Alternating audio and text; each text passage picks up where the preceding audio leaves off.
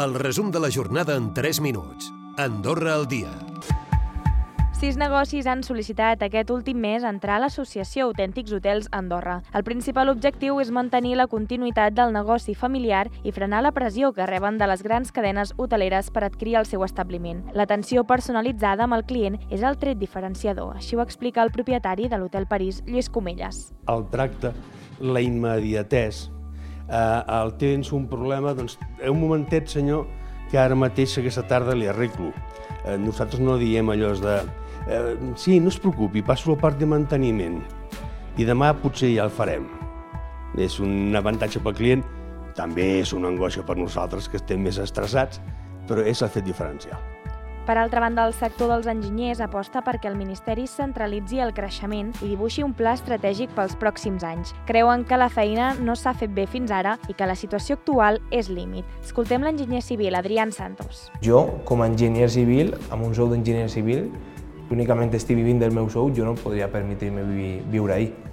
Aleshores sí que és de veres que l'edificació sí que s'està enfocant en aquest sentit. Un habitatge per a, per a rendes una miqueta més altes de, de lo que és la mitjana. I tot i les pluges registrades els últims dies, la situació de sequera viscuda ha posat sobre la taula la necessitat d'una llei d'aigua, que l'executiu vol impulsar juntament amb els comuns i que, per exemple, podria plantejar un embrancament general de la xarxa. A la Massana, la parròquia que més va patir ja ha aixecat les mesures de restricció. Escoltem la cònsul major de la parròquia, Olga Molner. De moment els dipòsits s'han recuperat i el que hem dit és que la gent segueixi sent prudent i que facin un ús raonable de l'aigua. La majoria doncs, han col·laborat i s'han acollit a totes les mesures de restricció de l'aigua i han col·laborat positivament. La parròquia també ha celebrat una jornada contra el càncer de mama per donar visibilitat a la lluita. S'han portat a terme diferents activitats per conscienciar de la malaltia, una de les grans causes de mort arreu del món. Per això han esmentat la importància de la detecció precoç de la malaltia, tal com explica la periodista Pati Molner.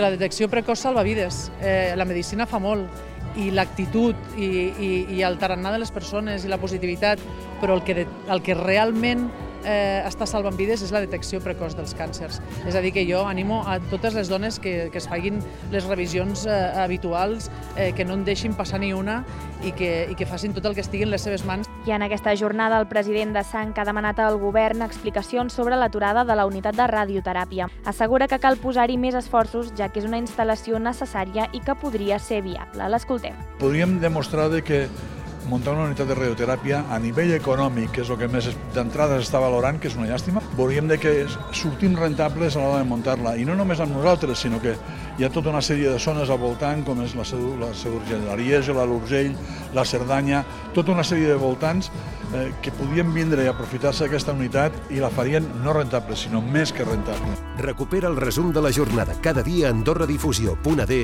i a les plataformes de podcast.